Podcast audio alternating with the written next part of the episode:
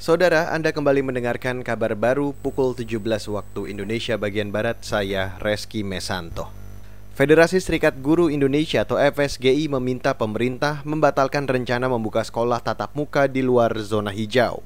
Wakil Sekretaris Jenderal FSGI Satriawan Salim khawatir pembukaan akan membahayakan nyawa siswa. Kata dia, hasil survei yang dilakukan oleh FSGI menunjukkan ketidaksiapan sekolah, guru, dan orang tua murid untuk melaksanakan pembelajaran secara tatap muka. Kami kaget senang saja gitu dengan pernyataan dari Pak Doni Munardo. Ini juga jelas-jelas berpotensi menyalahi SKB 4 Menteri karena di SKB 4 itu dijelaskan bahwa daerah yang boleh dibuka sekolahnya itu adalah zona hijau itu. Wakil Sekretaris Jenderal FSGI Satriawan Salim mencontohkan kejadian di kota Pariaman ketika sekolah dibuka kembali muncul kasus guru positif. Sekolah itu lantas ditutup kembali. Sebelumnya, Ketua Satgas COVID Doni Monardo mengatakan pemerintah akan segera memberikan izin penyelenggaraan sekolah tatap muka di luar zona hijau COVID-19.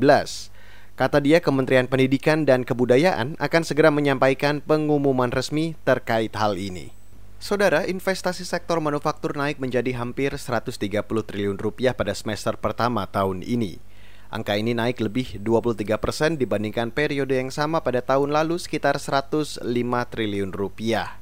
Menteri Perindustrian Agus Gumiwang menegaskan selama ini proaktif menggait investor untuk menanamkan modalnya di Indonesia, termasuk bagi yang ingin merelokasi pabriknya saat menghadiri seminar web bertajuk Mir Year Economic Outlook 2020 di Jakarta, Agus mengatakan, pemerintah bertekad mewujudkan iklim berusaha yang kondusif melalui kebijakan strategis.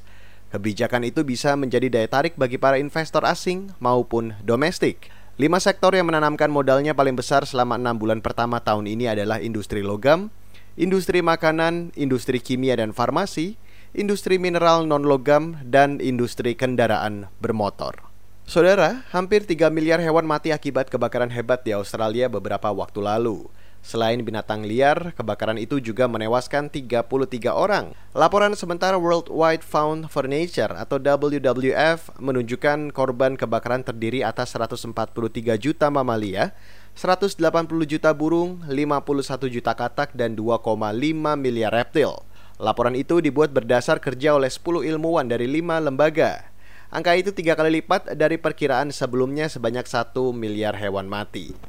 Peneliti utama Lily Van Eden dari University of Sydney mengatakan, studi ini adalah yang pertama mengukur dampak kebakaran hutan pada hewan.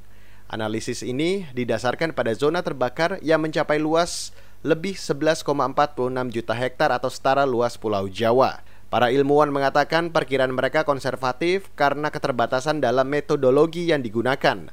Laporan akhir akan disampaikan pada bulan depan.